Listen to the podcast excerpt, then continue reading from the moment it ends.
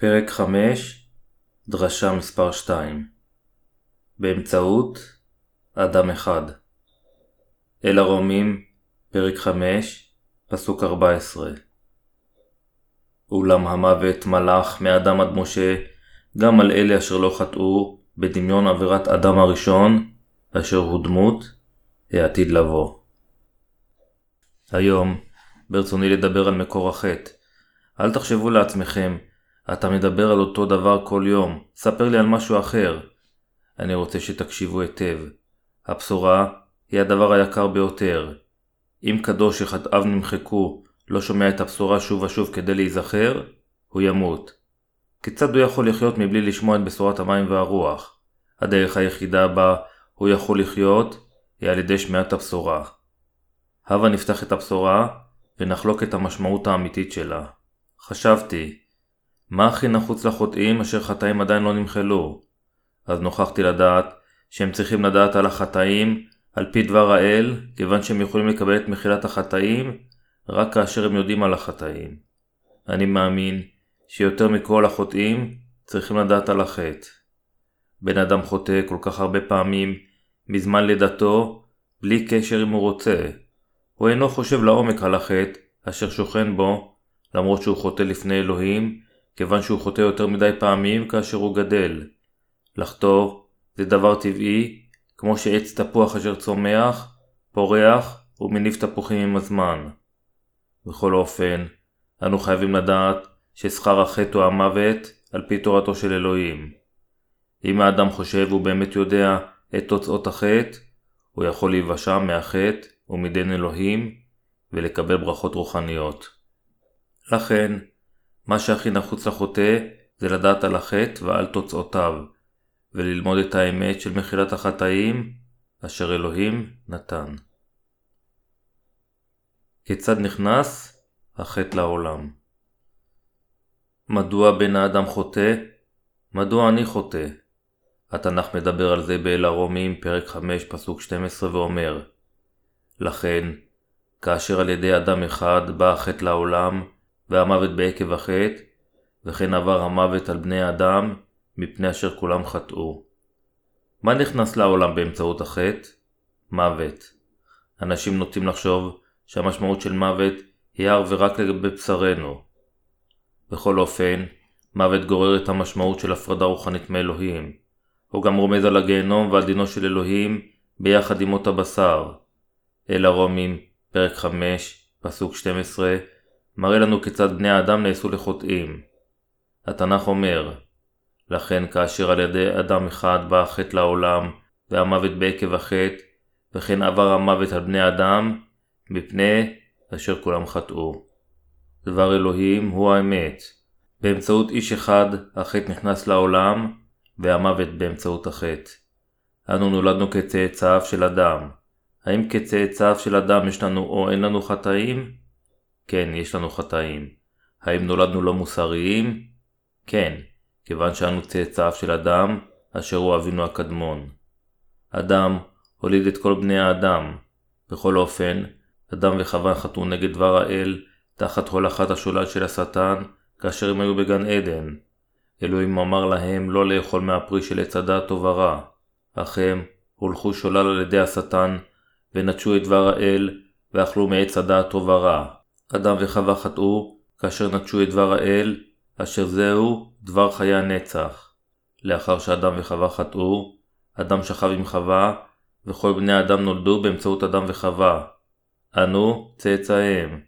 אנו לא רק ירשנו את חזותם החיצונית, אלא גם את טבעם החוטא. לכן, התנ"ך אומר שבני האדם הם זרע החטא. כל אנשי העולם ירשו חטא מאדם וחווה. התנ"ך אומר, לכן, כאשר על ידי אדם אחד בא החטא לעולם, והמוות בעקב החטא, וכן עבר המוות על בני אדם, מפני אשר כולם חטאו. לכן, כל בני האדם נולדו בלתי מוסריים. בכל אופן, בני האדם אינם יודעים שהם נולדו חוטאים, אין להם ידע על החטא למרות שהם נולדו עם חטאים. עץ מתחיל לנבוט על ידי זרעיו, ובהמשך מניב פירות. אך בני האדם חושבים שזה מוזר בשבילם לחטוא, כיוון שהם אינם יודעים שהם נולדו כזרעי חטא. זה אותו דבר אם עץ תפוח יחשוב, זה מוזר, מדוע אני מניף תפוחים? באופן זה, זה טבעי לבני האדם לחטוא. המחשבה שבן אדם יכול להימנע מלחטוא, היא מוטעית לחלוטין. זה טבעי שבן אדם אשר ירש חטא, יעשה חטאים במשך חייו, ויניף פירות חטא, אך הוא לא חושב באופן עמוק על היותו חוטא. מה אלוהים אומר? לכן, כאשר על ידי אדם אחד בא החטא לעולם, והמוות בעקב החטא, וכן עבר המוות על בני אדם, מפני אשר כולם חטאו. אנו חוטאים במשך חיינו, כיוון שנולדנו כחוטאים. לכן, מגיע לנו להישפט על ידי אלוהים. יכול להיות שתחשבו, האם זה לא צודק מצד אלוהים לשפוט אותנו, כאשר אין לנו ברירה אלא לחטוא? בכל אופן, לאחר קבלת מחילת החטאים, תיווכחו לדעת שאלוהים תכנן לעשות כך, על מנת להפוך אותנו לילדיו. כולנו צאצאיו של איש אחד, אדם. אם כן, הכיצד בני אדם אשר הם צאצאיו של איש אחד, אדם, יש להם צבע עור שונה? האם זרעיהם שונים? מדוע ישנם אנשים לבנים, צהובים ושחורים? יש אנשים החושבים שכאשר אלוהים ברא את האדם מעפר הארץ, הוא שרף אותו. אלוהים ברא איש לבן, על ידי שהוציאו אותו מוקדם מהתנור, אדם צהוב, על ידי שהוציאו אותו בדיוק בזמן, ואדם שחור, על ידי שהוציאו אותו מאוחר מדי. יכול להיות שגם אתם תתהו מדוע ישנו הגזע הלבן, הצהוב והשחור. למרות שלכל בני האדם ניתנו חטאים באמצעות איש אחד. התנ"ך מצהיר בבירור שאלוהים ברא את אדם בתחילה כאשר הוא ברא את השמיים והארץ. אדם משמעותו איש. אלוהים ברא אדם. מדוע ישנם גזעים שונים בעולם אם אלוהים ברא איש אחד, אדם, וכל אנשי העולם נולדו דרכו? יכול להיות שנשאל מדוע. לכן, הנה התשובה. מדענים אומרים שפיגמנט בעור הנקרא מלנין יוצא החוצה מהעור כדי להגן עליו מכוויות שמש. כאשר כדור הארץ נע סביב השמש, אלה אשר חיים באזורים עם הרבה אור שמש נעשים שחורים, אלה אשר חיים באזורים שיש בהם אור שמש מינימליות נעשים לבנים, ואלה אשר חיים באזורים עם מספיק אור שמש נעשים צהובים. בכל אופן, אבינו הקדמון הוא עדיין איש אחד, אדם. מדענים הודיעו שהמלנין יוצא באופן אוטומטי מתוך האור ומגן עליו מכוויות שמש. לכן, מאותו זמן הבנתי את זה. ידעתי שבני אדם הם צאצאיו של אדם, אך לא ידעתי על המלנין. אנו לא רק ירשנו את הבשר, אלא גם את החטא, כיוון שאנו צאצאיו של איש אחד, אדם. האם אתם יודעים על החטא? הבה נבחן האם בני האדם הם אנשים חוטאים או לא, כאשר הם נולדים לתוך עולם זה. כן כל עץ עושה טוב, עושה פרי טוב, והמשחט עושה פרי רע. עץ טוב לא יוכל לעשות פרי רע, ועץ משחת לא יעשה פרי טוב. מתי, פרק 7, פסוקים 17-18 אלוהים אומר שנביאי שקר רק מניבים פירות שקר, ואינם מסוגלים לעולם להניב פירות טובים. אנו במקור עצים רעים, כיוון שנולדנו חוטאים, לכן איננו יכולים שלא להניב פירות רעים, כיוון שנולדנו כעצים רעים. ירשנו חטא מאיש אחד. אם נשווה לעצים, אנו עצים רעים. בן אדם אשר נולד חוטא, אינו יכול שלא לעשות חטאים, אפילו אם ברצונו לנהל חיים טובים, והוא מנסה שלא לחטוא, בדיוק כפי שעץ רע אינו יכול להניב פירות טובים. האם אתם מבינים? בני האדם באמת רוצים לחיות חיים נעימי הליכות, ולהיות ענבים ומוסריים. בכל אופן, אדם אשר אינו את מחילת החטאים, ואשר נולד חוטא, אינו יכול לחיות חיים צדיקים. הוא אינו יכול לעשות טוב, אפילו עם מאמצים אינסופיים. יש אלכוהוליסטים אשר מנסים לא לשתות כל כך לשוכרה, אך לבסוף הם סובלים מאלכוהוליזם ומשפחתם נוטשת אותם בבית החולים. יום אחד צפיתי בטלוויזיה בתוכנית בשם "אני רוצה לדעת את זה". איש אחד היה בבית חולים לחולי נפש במשך 13 שנה. כאשר הכתב שאל אותו על משפחתו, הוא סיפר שהם לא חזרו להביאו הביתה אף על פי שהוא החלים לחלוטין מאלכוהוליזם והרופא שלו בטוח בהחלמתו. הוא נוכח לדעת מהכתב שמשפחתו מונעת ממנו לעזוב את בית החולים על ידי נתינת שוחד לרופאו. הוא היה מזועזע. משפחתו הפקירה אותו כיוון שהם היו כל כך עייפים ממנו.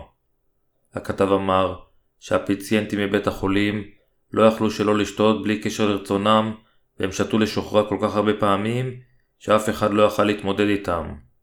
מדוע האדם אינו יכול לשלוט על שתייתו? הוא יודע שזה דבר לא טוב לבריאותו ומנסה להפסיק, אך הוא ממשיך לשתות. הסיבה לכך היא כיוון שהוא כבר אלכוהוליסט, אך הסיבה המקורית לכך היא שליבו תמיד ריק. הוא שותה כיוון שהוא מרגיש ריקנות בליבו.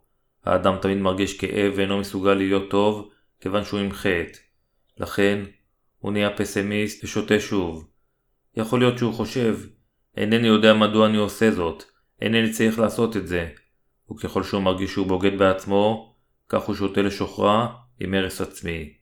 אדם אינו יכול להפסיק לשתות, לא משנה עד כמה הוא יתאמץ לא לשתות.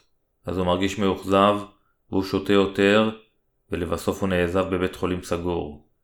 דבריו והתנהגותו של אדם הם פשוט ביטוי לאינסטינקטים הטבעיים שלו. בן האדם נולד חוטא, ולכן אינו יכול שלא לחטוא במשך חייו, ללא קשר לרצונו, כפי שעץ תפוח צומח, פורח ומניף תפוחים, כיוון שהוא ירש גן של תפוחים. אנשים רוצים להיות טובים, אך אלה אשר אין להם את מחילת החטאים, אינם יכולים להיות טובים, כיוון שאין להם את היכולת להיות טובים. הם חושבים שחטאים אינם חמורים, לכן הם מחביאים את עצמם, וזה נעשה חמור רק כאשר חטאים מתגלים. זה טבעי, אינסטינקטיבי, ומתאים לחוטא לחטוא, כיוון שהוא נולד כגוש חטא, וירש אותו על ידי הטבע. זה לגמרי טבעי בשביל האדם לחטוא, כיוון שהוא נולד עם גנים של חטא, בדיוק כפי שזה טבעי לצמח של פלפל אדום להניב פלפל אדום, ולעץ שזיף להניב שזיפים. בן אדם אינו יכול להימנע מלחטוא, כיוון שהוא נולד כחוטא. כיצד אדם יכול לחיות מבלי לחטוא, כאשר הוא נולד עם חטא? האדם נולד עם תריסר סוגים של מחשבות רעות. ישוע אמר במרקוס פרק 7 שהאדם נולד עם 12 סוגים של רשע, נאוף, זנות, רצח, גניבה, חמדנות, רשעות, רמאות, זימה, עין רעה, גידוף, זדון וסכלות. אנו נולדנו עם תאווה לגנוב. מחשבות הגניבה כלולות בירושת החטא. האם אתם גונבים? כולם גונבים. אם מישהו לא גונב, זה בגלל שישנם אנשים שמביטים בו. בכל אופן, כאשר אין אף אחד מסביבו, וישנו אובייקט מפתה ליד, חטא הגניבה יוצא החוצה, וגורם לו לעשות חטא על ידי גניבתו. לכן, בני האדם קבעו מוסר וחוקים, אשר צריכים להישמר. בני האדם עשו חוקים משלהם, המראים שאין זה צודק להזיק למישהו אחר. חוקים נחוצים, כאשר אנשים רבים חיים יחדיו בחברה. אנו חייבים לחיות על פי הנורמות החברתיות. בכל אופן, אנו גונבים כאשר אנו לבד ומתחמקים ממבטו של אחר. אין מישהו שלא גונב, כולם גונבים. לפני הרבה זמן שאלתי את ציבור המתפללים בכנס התעוררות להרים את ידיהם אם הם לעולם לא גנבו במשך חייהם. סבתא אחת הרימה את ידה ואמרה, מעולם לא גנבתי דבר. אז שאלתי אותה אם היא מעולם לא לקחה דבר בדרכה הביתה. היא התבלבלה מהשאלה לא צפויה וענתה, פעם ראיתי דלת טריה בדרכי הביתה, חשבתי לעצמי שהיא תהיה טעימה, לכן הסתכלתי מסביב, וראיתי שאין אף אחד שם. כתבתי אותה, החבאתי אותה בתחתונית שלי, שמתי אותה בסיר עם תבשיל שירועית, ואכלתי אותה. היא לא ידעה שהיא ביצעה חטא של גניבה. בכל אופן, אלוהים אומר שזהו חטא לקחת את רכושו של האחר ללא רשות. אלוהים ציווה בתורת משה, לא תגנוב. לכולם יש התנסות בגניבה של משהו. בן אדם הוא טוב בלרצוח ולגנוב כל פעם שיש לו הזדמנות. הוא גונב ממשק חי, כמו ארנבות ועופות מביתם של אחרים. זוהי גניבה, אין לו אפילו תודעה של חטא אפילו שהוא רוצח וגונב. בשבילו, זה טבעי לעשות כך, כיוון שהוא ירש חטא בזמן לידתו. בן האדם ירש חטא. בן אדם יורש גם את חטא הניאוף מהוריו. הוא נולד עם תאווה לניאוף. הוא בוודאי ינאף כאשר אין אנשים בסביבה. אנשים אוהבים מקומות אפלוליים, כמו בתי קפה ומסבעות. מקומות כאלה הם מאוד פופולריים לחוטאים. מדוע? אלה מקומות טובים להראות את ירושת החטא. אפילו ג'נטלמנים אוהבים מקומות כאלה. הם אבות טובים בבית ואנשים במעמד חברתי גבוה, אך הם הולכים למקומות אפלוליים אשר מלאים בחטא. הם הולכים למקומות בהם הם יכולים להראות את טבעם החוטא ולהניף פירות חטא. הם נפגשים ביחד במקומות כאלה, ועד מהרה לאחר שתיית כוס אלכוהול, נעשים כמו חברים ותיקים. הם נהפכים למאוד קרובים, מיד כשהם נפגשים, כיוון שיש להם את אותם תכונות בלתי מוסריות. האם גם לך יש את זה? לי יש את זה. גם לי. אתה חבר שלי. בן כמה אתה? גיל אינו חשוב. נעים להכיר אותך.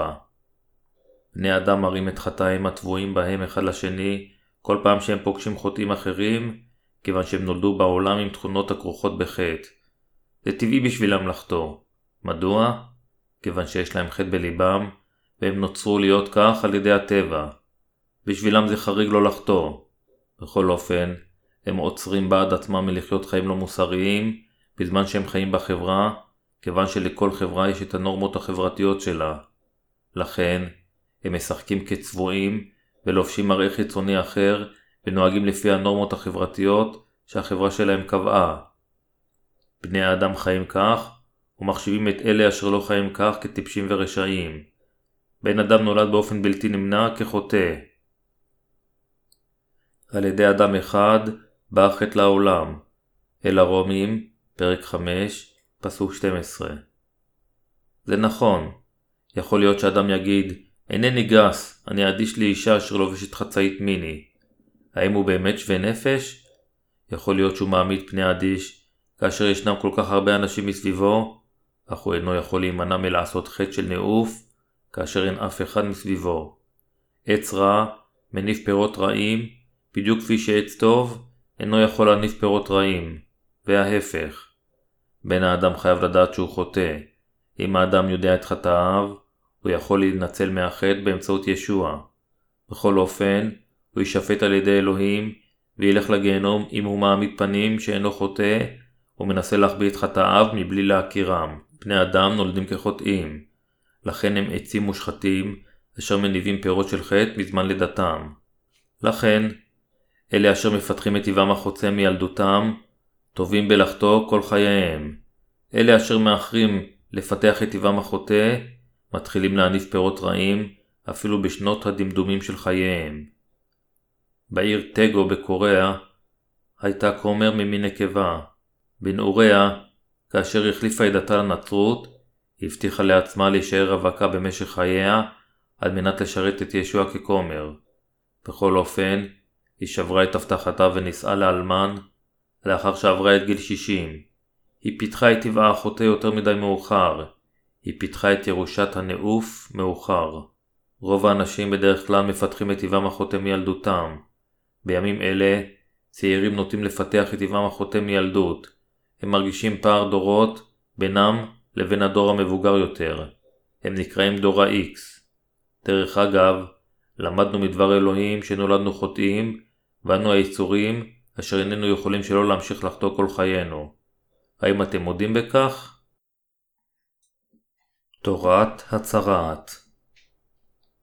שנית, אלוהים אמר, לכן, כאשר על ידי אדם אחד בא החטא לעולם, והמוות בעקב החטא, וכן עבר המוות על בני אדם, מפני אשר כולם חטאו. אל הרומים, פרק 5, פסוק 12.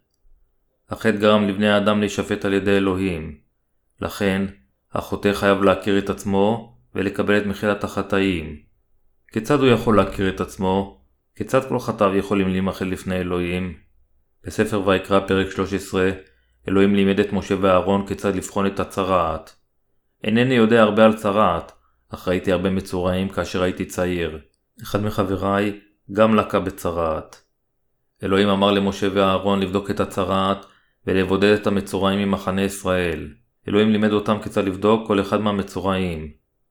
אדם, כי יהיה בעור בשרו, אח או ספחת או בהרת, והיה בעור בשרו לנגע צרעת, והובא אל אהרון הכהן, או אל אחד מבניו הכהנים. ספר ויקרא, פרק 13, פסוק 2. כאשר הכהן חשב שיש לו מחלת עור לאחר שבדק אותו, הכהן בודד אותו לשבעה ימים.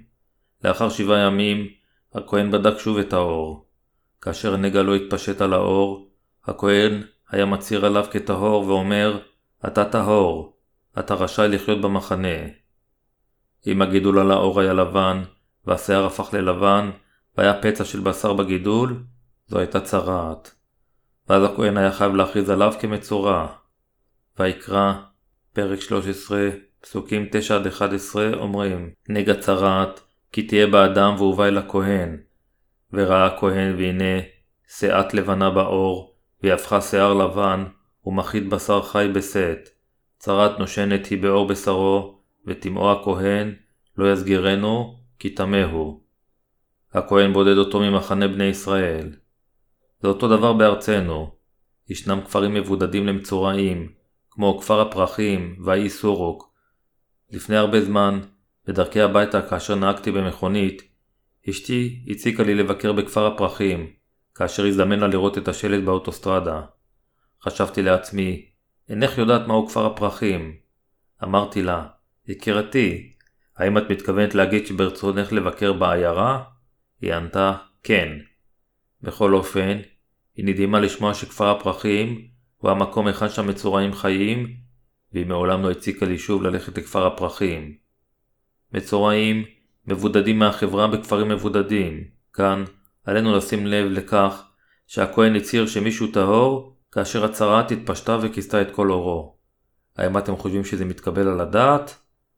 הכהן בודד את האדם כאשר הצהרת התפשטה רק קצת, ואמר לו לחיות במחנה ישראל, כאשר נגע הצהרת כיסה את כל גופו מכף רגל ועד ראש. אלוהים אמר לכהן כיצד לסווג את הצהרת, ואם פרוח תפרח הצהרת באור, וכיסתה הצהרת את כל אור הנגע מראשו ועד רגליו, לכל מראה עיני הכהן. ויקרא, פרק 13, פסוק 12. זוהי הדרך שאלוהים אמר לנו לסווג צרעת. מה תורת המצורע אומרת לנו? היא אומרת לנו כך, בני האדם נולדים חוטאים עם אופי חוטא, וחוטאים כל ימי חייהם, אך יש אנשים אשר חושפים מעט מחטאיהם. פעם אחת הם חוטאים עם ידיהם, ולאחר מכן עם רגליהם, ופעם אחת עם ראשם, לאחר הפוגה ארוכה, כך שהם אינם חושפים למראית עין את חטאיהם. מי יגיד שזה חמור כאשר הצהרת מתפשטת רק במקום אחד, כאן, ועוד במקום קטן אחר שם? אף אחד אינו מכיר את התסמונת של הצהרת שלו. בן אדם נולד חוטא בגלל ירושת החטא, אך הוא אינו יודע שהוא חוטא עד שהוא חוטא אין ספור פעמים, למרות שאלוהים הצהיר עליו שהוא איש חוטא. לבסוף הוא נוכח לדעת שהוא חוטא בעולם. בכל אופן, אדם החושב על עצמו יותר מדי טובות, וממשיך לחטוא רק קצת, אינו יודע שהוא איש חוטא. אלוהים אמר לכהן להכריז על אדם אשר צרעתו התפשטה רק קצת כטמא, ולבודד אותו. החוטאים מופרדים מאלוהים. האם אתם מבינים? אלוהים הוא קדוש. אדם החושב שיש לו שמץ של חטא קטן, אינו יכול להיכנס למלכות שמיים. מי יכול לחיות במלכות שמיים? רק אלה אשר חטאים התפשטו על שאר גופם, ואשר מבינים שהם אנשים חוטאים באופן בלתי נמנע, יכולים להיכנס למלכות שמיים. כל חטאים נמחלים על ידי האמונה בישוע, והם ייכנסו למלכות השמיים כדי למלוך עם אלוהים. התנ"ך אומר שאלוהים מכריז על אדם אשר חטאו התפשט רק קצת כטמא. אלוהים קורא לאדם אשר חוטא שוב ושוב, למרות רצונו לא לחטוא, ואשר מתוודה שהוא חוטא גמור. ישוע אמר, לא באתי לקרוא את הצדיקים, כי אם את החטאים לתשובה. מתי? פרק 9, פסוק 13. אלוהים קורא לחוטאים, ושוטף את כל חטאיהם. אלוהים מחה לכל חטאיהם. אלוהים כבר שטף את כל חטאים אחת ולתמיד. ישוע לקח את כל חטאיהם באמצעות טבילתו, נשפט על הצלב למענם, ועשה אותם צדיקים באמצעות תחייתו, כדי לקחתם למלכות השמיים. אנו חייבים להכיר את עצמנו. אנו חייבים לדעת האם אנו חוטאים גמורים או חוטאים חלקיים.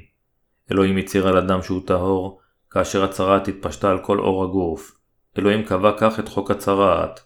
אדם היודע שהוא מלא בחטא, אינו יכול שלא להאמין בבשורת המים והרוח, ולקבל את מחילת החטאים, כאשר ישוע בא אליו ואומר שהוא שטף את כל חטאיו באמצעות טבילתו והצלב.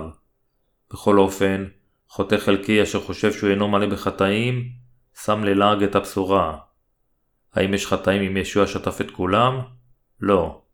אנו יכולים לקבל את מחילת החטאים אחת ולתמיד. לכן, על החוטא להכיר את עצמו. כל חטאיו יכולים להסתלק כאשר הוא מכיר את עצמו. בני האדם ממהרים לקחת רק את החטאים הקטנים לאלוהים. ישוע, חטאתי. לא רציתי אך הוא גרם לי לעשות זאת. בבקשה מחל לי על המקרה הזה, ואני לא אחטא שוב. הם לוקחים רק חטאים קטנים לאלוהים. אז אלוהים אומר, אתה טמא. לבן אנוש אין צדיקות לפני אלוהים. להיות או לא להיות זה בהחלט רק תלוי בך אלוהים. אני חוטא ואני מיועד ללכת לגיהנום. בבקשה עשה כרצונך, אך אלוהים אהיה רחמן אליי, ובבקשה הושע אותי. בבקשה הצל אותי אם אינך אלוהים. אז אאמין בך, ואנהל את חיי על פי רצונך. אלוהים הושיע, אדם אשר מודה שהוא מלא בחטא. בן אדם ירש חטא, אשר יש לו תריסר סוגים של מחשבות רעות. הבה נסתכל במרקוס, פרק 7, פסוקים 20-23.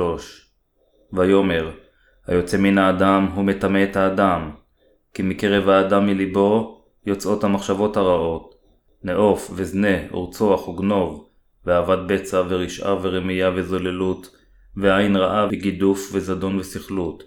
כל הרעות האלה, מקרב האדם הן יוצאות, מטמאות אותו. מקרב האדם מליבו יוצאות מחשבות רעות. בן האדם ירש חטא בצורה פעילה. האם אתם מבינים? לאדם יש מחשבות רעות במשך חייו. אין לו שום דרך להיגאל מהן, אם כל חטאיו לא נמחלו אחת ולתמיד. בן אדם נולד עם תריסר סוגי מחשבות רעות, נאוף וזנה, ורצוח וגנוב, ואהבת בצע, ורשעה ורמייה וזוללות, ועין רעה וגידוף וזדון וסכלות. לכן הוא אינו יכול שלא להמשיך לחטוא כל חייו. אדם שחטאיו לא נמחלו, חי בחטא, למרות שהוא אינו רוצה לחיות כך. כל הדברים מבין האדם כמו מחשבות והתנהגות, אינן כרוכות בחטא לפני האלוהים. זוהי צביעות מצד חוטא להיות טוב. הוא רק מעמיד פנים שהוא טוב. זה לרמות את אלוהים. בן אדם אשר נולד חוטא חייב להכיר את עצמו כדי להיוושע. בכל אופן, אם האדם אינו מכיר את עצמו שהוא איש חוטא, הוא מרגיש במצוקה כל פעם שהוא חוטא ואומר, אה, ah, מדוע אני עושה דברים אלה? הוא מרמה את עצמו. לבן אדם יש מחשבות רעות. אדם יכול לחשוב, מדוע אני חושב מחשבות רעות? לא, אל לי לחשוב מחשבות אלה. מדוע אני חושב על דברים מלוכלכים? המורה שלי אמר לעשות טוב. הוא חושב כך כיוון שהוא אינו יודע מדוע הוא עושה דברים מסוימים. הוא מרגיש מצוקה כיוון שהוא גונב ונואף, כיוון שהוא אינו יודע שהוא ירש חטא. רצח, נעוף, זנות, רשעות, רמאות, זימה, עין רעה, גידוף, זדון וסכלות יוצאים ממנו באופן חוזר ונשנה. אז הוא שונא את עצמו, או מתבייש, מבלי לדעת מדוע. אנו גושי חטאים אשר מניבים תריסר סוגים של פירות רעים במשך כל חיינו, כיוון שנולדנו אנשים חוטאים, אשר ירשו חטאים מאבינו הקדמון המשותף. אדם, אשר אלה אשר יודעים שהם אנשים חוטאים. בן אדם מחפש את ישוע, המושיע אשר הושיע אותו מכל חטאיו, כאשר הוא יודע שהוא חוטא ללא תקנה. זוהי הדרך היחידה להיות מבורך על ידי אלוהים. בכל אופן, האדם אינו מחפש אחר המושיע אם הוא אינו מכיר את עצמו. אדם אשר מכיר את עצמו היטב, מתנער מעצמו, מוותר על מאמציו, מפסיק להסתמך על בני האדם, מחפש אחר ישוע המשיח אשר הוא האלוהים המושיע והנביא, ונמחה לו על ידי חסדו של ישוע המשיח. על החוטאים, להכיר את עצמם, כיוון שאלה המכירים את עצמם יכולים להתברך לפני אלוהים. אדם אשר אינו מכיר את עצמו, אינו יכול להתברך. לכן, החוטאים חייבים להכיר את עצמם כפי שהם. האם אתם מבינים? האם אי פעם עשיתם משהו רע לפני שקיבלתם את מחילת החטאים? אם עשיתם, האם אתם יודעים מדוע? עשיתם דברים רעים כנגד רצונכם, כיוון שירשתם חטא. על ידי אדם אחד בא החטא לעולם, והמוות בעקב החטא. המוות הוא בלתי נמנע לבני האדם כיוון שיש להם חטאים. על בן האדם לחפש אחר ישוע ולפגושו כדי להיוושע מהחטא כך שחטאיו יימחקו. אז יוכלו להיות לו חיי נצח. האם ברצונכם להיוושע מחטאיכם? עולם המוות מלך מאדם עד משה, גם על אלה אשר לא חטאו בדמיון עבירת אדם הראשון, אשר הוא דמות העתיד לבוא. אך לא כדבר הפשע, דבר המתנה, כי אם בפשע האחד מתו הרבים, אף כי חסד אלוהים ומתנתו, עטפו עדוף לרבים בחסד האדם, האחד ישוע המשיח.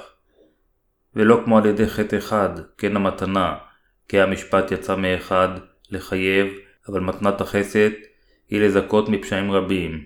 כי אם בפשע אחד, מלאך המוות על ידי האחד, אף כי מקבלי עודף החסד ומתנת הצדקה, ימלכו בחיים על ידי האחד ישוע המשיח. לכן, כאשר בפשע אחד נאשמו כל בני אדם, ככה גם על ידי זכות אחת יזכו כל בני אדם לחיים. כי כאשר במרי האדם האחד היו הרבים לחטאים, ככה גם על ידי משמעת האחד יהיו הרבים לצדיקים. אבל התורה נכנסה למען ירבה הפשע, ובאשר רבה החטא, הדף ממנו החסד. למען כאשר מלך החטא במוות, ככה ימלוך גם החסד על ידי הצדקה לחיי עולם בישוע המשיח אדוננו. אל הרומים, פרק 5, פסוקים 14-21 לכן כאשר על ידי אדם אחד בא החטא לעולם, והמוות בעקב החטא, וכן עבר המוות על בני אדם, מפני אשר כולם חטאו. אל הרומים, פרק 5, פסוק 12. כאן, מיהו האדם האחד? אדם הראשון. חווה גם יצא מאדם אחד, אדם. לכן התנ"ך אומר על ידי אדם אחד. אלוהים יצר בבראשית אדם אחד, ובאמצעות אדם אחד החטא נכנס לעולם. היו שני אנשים בגן עדן מנקודת מבטנו, אך למעשה היה אדם אחד מנקודת מבטו של אלוהים. כל גזעי האנושות גדלו מאדם אחד. המילים על ידי אדם אחד בא החטא לעולם, משמעותם שכל צאצאיו של אדם הפכו לחוטאים כיוון שאדם חטא. המוות עבר על כל בני האדם כיוון שכולם חטאו. מוות נגזר על בני האדם בגלל החטא. אלוהים אינו יכול להתייחד בסבלנות לאדם עם חטא. אלוהים הוא כל יכול, אך אינו יכול לעשות שני דברים. הוא אינו יכול לשקר, ואינו יכול לאפשר לאדם אשר יש לו חטא להיכנס למלכות השמיים. הוא מבצע את תורתו כפי שהבטיח. אלוהים כמובן שופט אדם אשר יש לו חטאים, כיוון שאלוהים אינו יכול לשקר או להתעלם מתורתו שהוא בעצמו יסד. כל בני האדם הפכו לחוטאים באמצעות אדם אחד, אדם אשר נכשל וחטא לפני אלוהים. דינו של אלוהים והמוות התפשטו לעבר כל בני האדם, כיוון שהם נעשו חוטאים, ונולדו כצאצאיו של אדם אחד, אדם. המוות התפשט לעבר כל האנשים. כאשר אלוהים ברא את האדם בבראשית, לא היה מוות. לא היה רק עץ הדעת טוב ורע, אלא גם עץ החיים. אלוהים ציווה על אדם לאכול את פרי עץ החיים ולחיות חיי נצח. בכל אופן, אדם רומה על ידי השטן, ואכל את פרי עץ הדעת טוב ורע, אשר אלוהים ציווה עליו לא לאכול, ואתגר את אלוהים על ידי שנטש את דברו, לכן המוות התפשט על כל אנשי העולם עקב החטא. המוות נכנס לעולם באמצעות איש אחד, אדם. מדוע אלוהים נתן לאדם את התורה? אם החטא לא היה נכנס לעולם באמצעות אדם, המוות לא היה מתפשט לכל בני האדם. מדוע האדם מת? הוא מת בגלל החטאים. החטא נכנס לעולם באמצעות אדם אחד, וכל המוות התפשט לכל האנשים. עד התורה, החטא היה בעולם, אך לבני האדם לא היה הידע על החטא עד שבאה התורה. תורת אלוהים ירדה לכל האנשים באמצעות משה. אפילו בזמנו של אדם ונוח היו חטאים, אך אלוהים לא יסד את התורה עד תקופתו של משה. בכל אופן, התנ"ך אומר שהיה חטא בליבם של כל האנשים אשר חיו בזמן ההוא. הבה נסתכל באל הרומים פרק 5 פסוק 13 כי עד זמן התורה היה החטא בעולם, אך לא יחשב חטא באין תורה.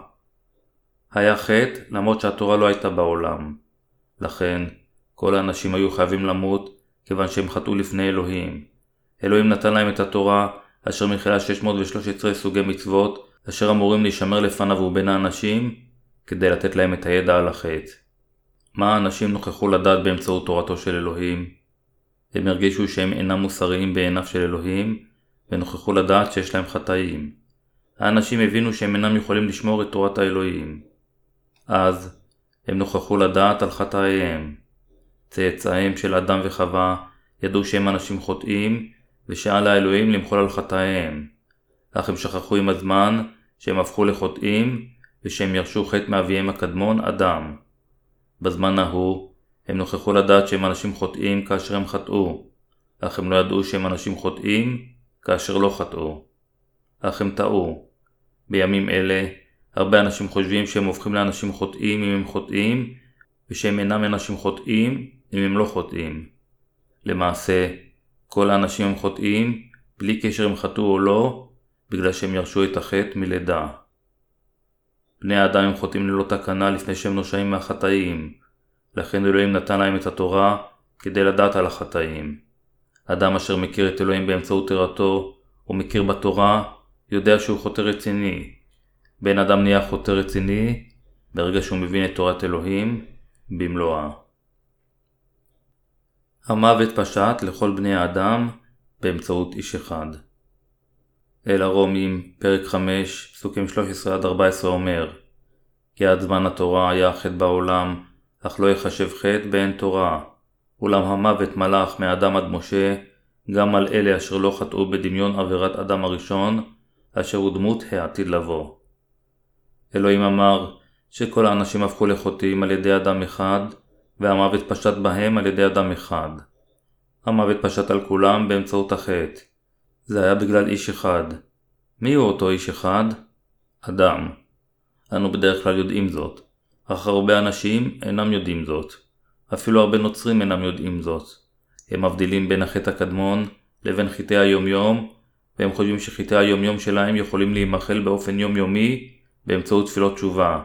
הם אינם יודעים שהסיבה שהם נשפטים והולכים לגיהנום זה בגלל אדם.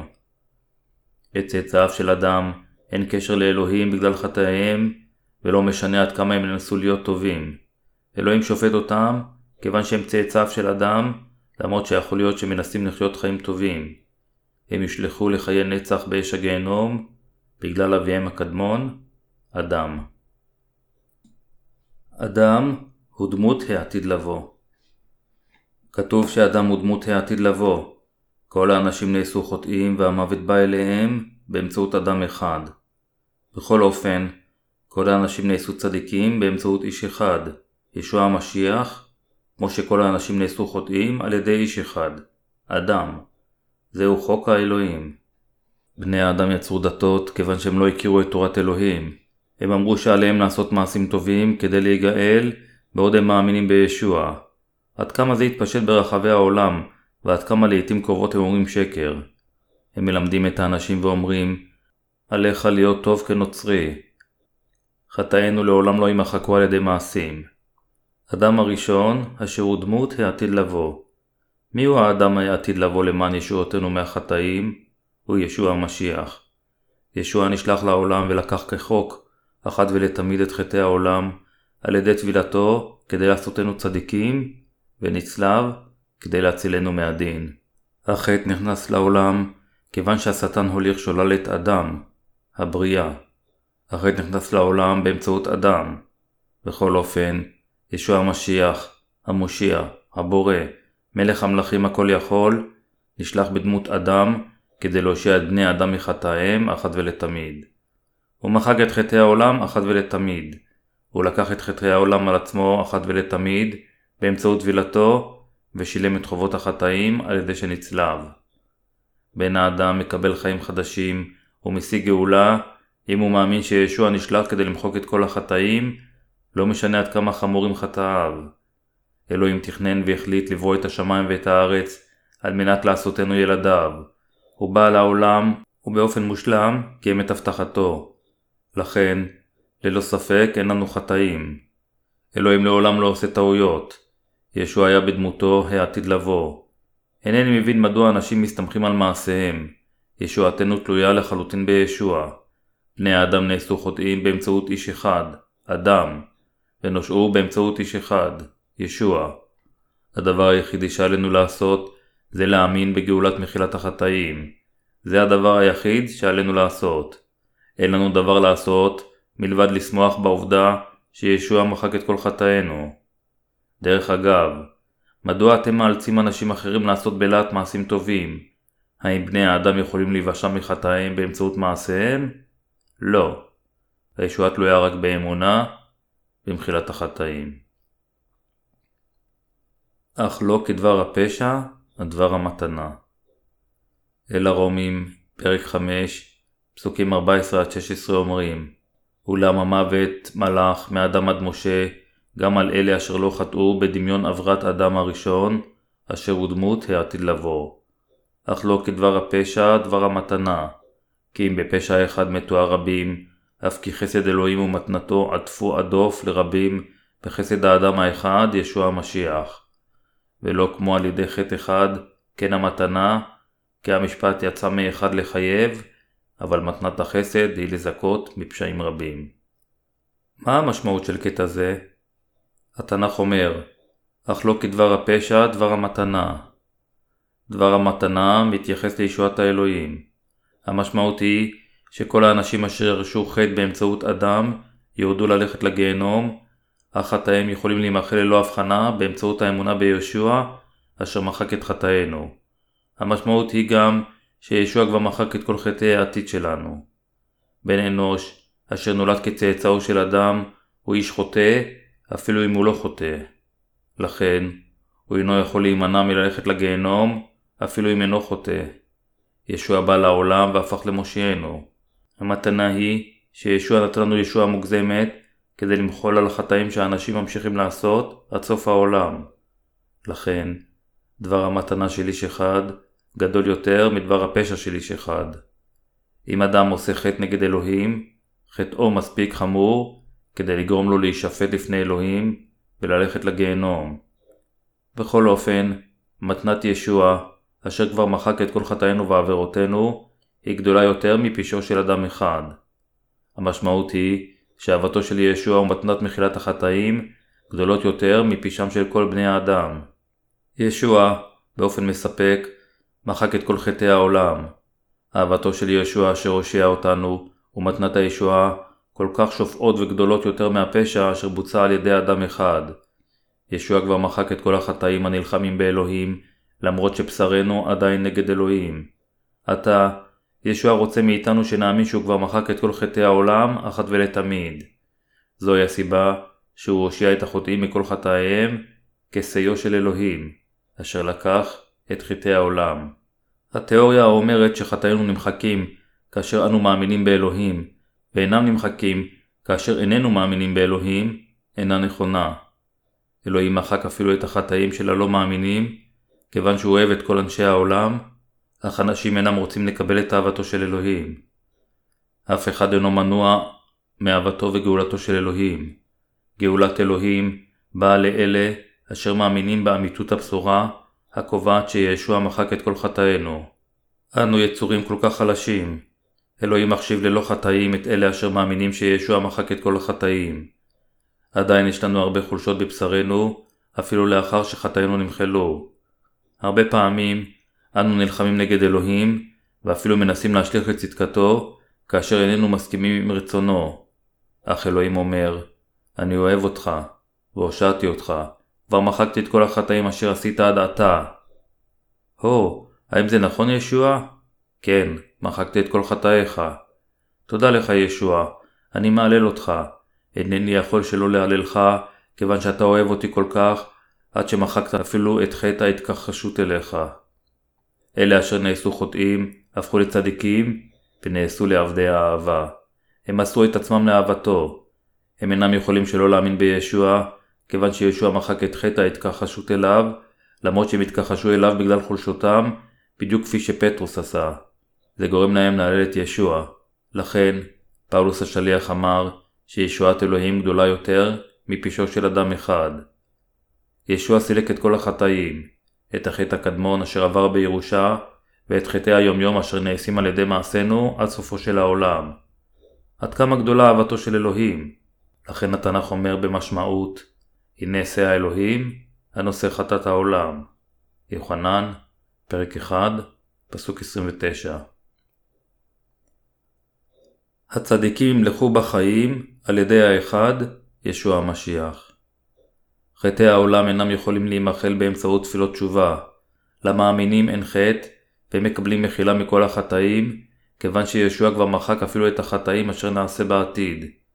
אל הרומים, פרק 5, פסוק 17 אומר כי אם בפשע האחד מלאך המוות על ידי האחד, אף כי מקבלי עודף החסד ומתנת הצדקה, ימלכו בחיים על ידי האחד ישוע המשיח.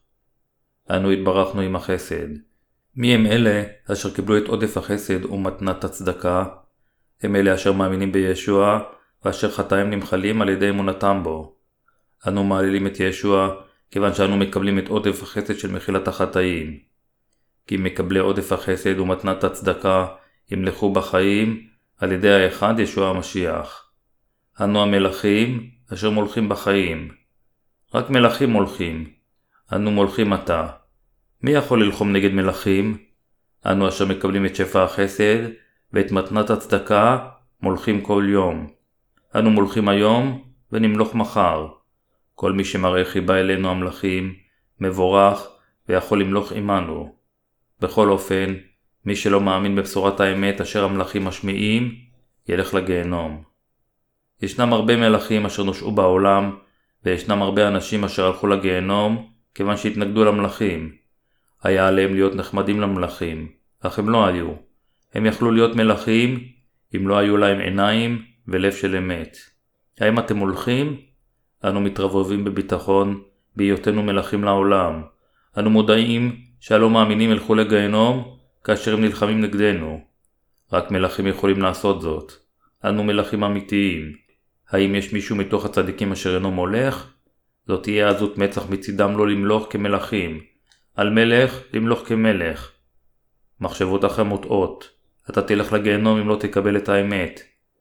על מנת להתנהג כמלך, מלך חייב להיות מעורר כבוד ולצוות על החוטאים להאמין באמת. מלך יכול וצריך לשפוט, לצוות ולדון לגיהנום את הלא מאמינים אשר יוצאים נגד צדקת אלוהים, ולא משנה עד כמה המלך הוא צעיר. יש לו את הכוח לדון את הלא מאמינים לגיהנום לפני אלוהים, אך אין המשמעות היא שהמלך יכול להשתמש לרעה בכוחו כפי שהוא רוצה. ישוע אומר לנו למלוך בעולם, לכן הבה נמלוך וניכנס למלכות השמיים. בכל אופן, יש צדיקים אשר הם יותר מדי ענבים מכדי להשתמש בכוחם. ישוע יגער בהם כשיחזור בפעם השנייה. ויתרתם על אמונתכם. מדוע התנהגתם כעבדים? עשיתי אתכם מלכים. ישנם אנשים אשר מתנהגים כעבדים לעולם. האם עולה על הדעת שמלך יגיד אדוני לנתינו? בכל אופן, יש צדיקים המדברים כך אפילו שזה לא מתקבל על הדעת. הם מתחננים על ברכיהם למחילה מהעולם אפילו לאחר שאלוהים הושיע אותם מהחטאים. על המלך להיות מלכותי. הכרזתי על המלכות העצמאית מול העולם ברגע שהפכתי למלך. אני מאמין שהפכתי למלך והתנהגתי במלכותיות למרות שהייתי צעיר. על ידי צייתנותו של אדם אחד, ישוע המשיח. אל הרומים, פסוקים 18-19 אומר לכן, כאשר בפשע אחד נאשמו כל בני האדם, ככה גם על ידי זכות אחת יזכו כל בני אדם לחיים. כי כאשר במרי האדם האחד היו הרבה לחטאים, ככה גם על ידי משמעת האחד, יהיו הרבים לצדיקים. כאשר בפשע אחד נאשמו כל בני האדם. כאן, משמעות האשמה היא שפיטה.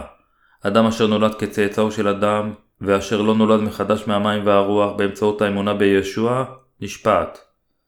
לכן כאשר בפשע אחד נאשמו כל בני האדם, ככה גם על ידי זכות אחת, יזכו כל בני האדם לחיים. כל האנשים נעשו צדיקים על ידי מעשה צדיק אחד של ישוע, אשר נולד ממרים הבתולה, והוטבל בנהר ירדן, כדי לשאת את כל חטאי העולם. הוא הקריב את חייו על ידי שנצלב במקומם, כדי לעשות את כולם צדיקים. על ידי צייתנותו של אדם אחד לרצונו של אלוהים האב, רבים נעשו לצדיקים. במובן הצר של הדברים, אם אנו מסתכלים מנקודת המבט של האמונה, האם כל אנשי העולם אנשים חוטאים, או שהם הצדיקים? כולם צדיקים. יש אנשים המתרכזים ונאבקים בי כאשר אני אומר באמונה דבר כזה. למעשה, מנקודת מבטו של אלוהים, אין לאף אחד חטא.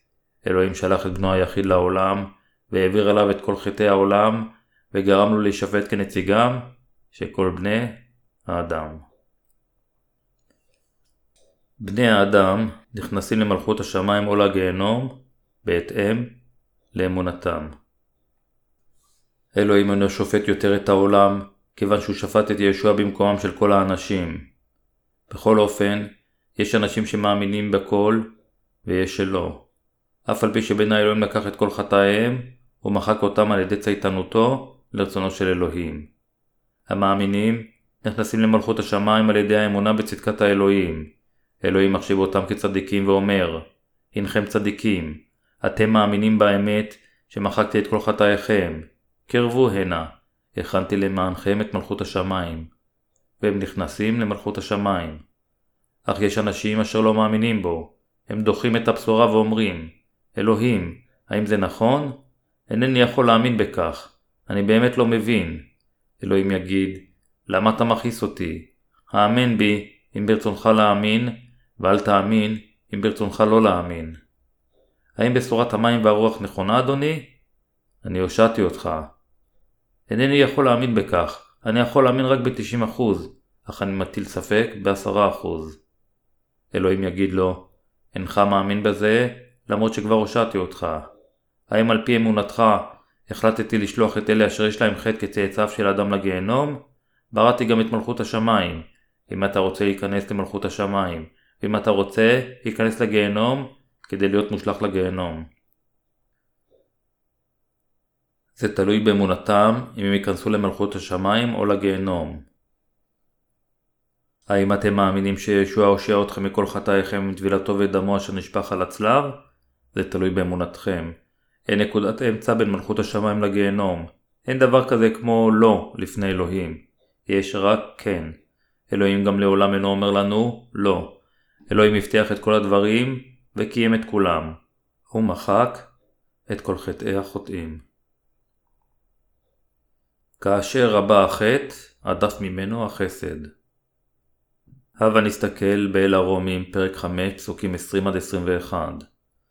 אבל התורה נכנסה למען ירבה הפשע, ובאשר רבה החטא, הדף ממנו החסד. למען כאשר מלך החטא במוות, ככה ימלוך גם החסד על ידי הצדקה לחיי עולם בישוע המשיח אדוננו. מדוע התורה נכנסה? כדי שירבה הפשע. לבני האדם כצאצאיו של אדם, מטבע הדברים, יש באופן בלתי נמנע חטא. אך הם לא הכירו את טבעם החוטא, לפיכך אלוהים נתן לבני האדם את התורה, כדי לתת להם ידע על החטא, כיוון שהתורה מצווה עליהם מה לעשות ומה לא לעשות, וזה הופך לחטא לא לציית לתורה, במחשבות ובמעשים. התורה נכנסה למען ירבה הפשע. אלוהים נתן לנו את התורה כדי לגרום לנו לדעת שאנו חוטאים רציניים ומלאים בחטאים.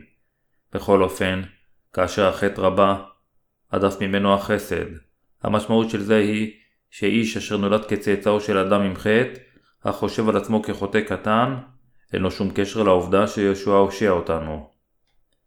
בכל אופן, אדם החושב שיש לו הרבה חולשות ואינו יכול לחיות עם הבשר על פי דבר האלוהים, מודה לישוע על שהושיע אותנו.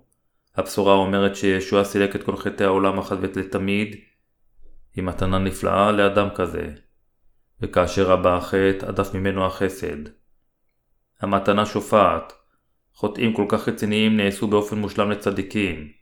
החוטאים הקטנים אשר חושבים שאינם מלאים בחטאים, ילכו לגיהנום. רק חוטאים רציניים נעשו באופן מושלם לצדיקים. לכן, אדם אשר יודע שהוא חוטא רציני, מהלל בהוקרה את ישועת ישוע. ישנם מטיפים מעטים בעלי מזג טוב מתוך מטיפי הבשורה בעולם. וכאשר הבא החטא, הדף ממנו החסד. אין זה אומר שאם נחטא בכוונה, החסד יגדל מהחטא. פאולוס השליח אומר באל הרומים פרק 6 פסוק 1 אם כן, מה נאמר, הנעמוד בחטא למען ירבה החסד? פאולוס התכוון, אנו נושעים אם רק נאמין בצדקת אלוהים. ישוע כבר מחק את כל חטאינו, ובשפע הושיע את החוטאים מכל חטאיהם. אנו נעשינו צדיקים על ידי האמונה בליבנו. אנו יכולים להיוושע אם נאמין במה שישוע עשה. לא משנה עד כמה רעים אנו יכולים להיות, או כמה פעמים יכול להיות שנחטא, אנו נעשינו צדיקים מבלי לפעול, על ידי אמונתנו באמת. אנו נעשינו צדיקים על ידי האמונה. עד כמה רעים מעשינו? כמה פעמים חטאנו? כמה מגרעות יש לנו, אם אלוהים אשר הוא ללא חטא, מסתכל על מעשינו? אינני יכול שלא להלל את ישוע. אל הרומים פרק 5 פסוקים 20-21 אומר אבל התורה נכנסה למען ירבה הפשע ובאשר רבה החטא הדף ממנו החסד למען כאשר מלך החטא במוות ככה ימלוך גם החסד על ידי הצדקה לחיי עולם בישוע המשיח אדוננו. אלוהים נתן לנו חיי נצח באמצעות ישוע המשיח. צדקתו של אלוהים אפשרה לנו למלוך איתו. אני מהלל את ישוע, אשר הושיע בשפע את החוטאים מכל חטאיהם. תודה לך, ישוע.